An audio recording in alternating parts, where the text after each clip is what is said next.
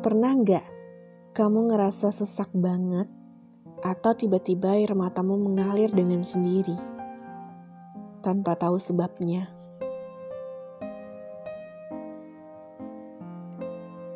Aku pernah.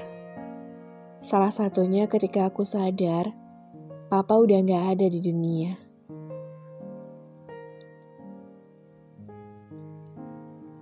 Aku tergolong anak yang nyinyir suka nanya hal-hal kecil yang tidak aku mengerti.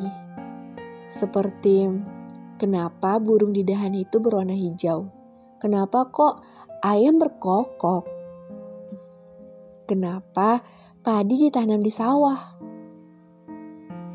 Dan ketika aku sadar papa tuh udah nggak ada, aku harus dipaksa nerima kenyataan bahwa sahabat terbaikku yang akan menjawab semua pertanyaan-pertanyaan itu dan yang selalu nemenin aku juga menghilang seiring dengan kepergian sosok papa. Di sana aku benar-benar gak bisa nafas rasanya. Sesak, kesepian, gak tentu arah.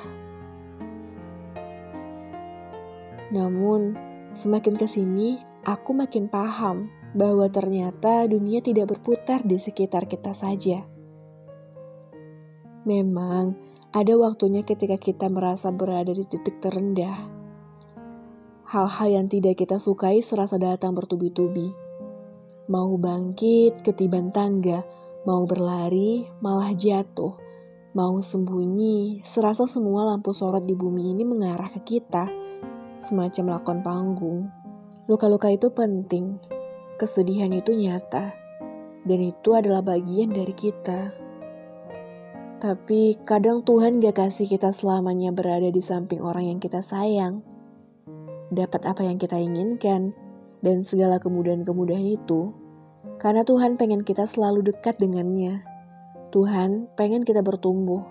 Siapa sangka dengan kehilangan ternyata itu yang jiwa kita butuhkan keseimbangan antara rasa senang dan rasa sedih.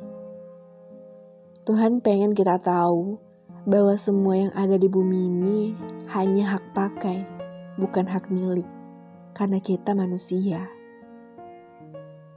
Sekarang, saat aku merasa sesak lagi, aku selalu menutup mata sembari mengingat senyumnya saat aku baru pulang sekolah.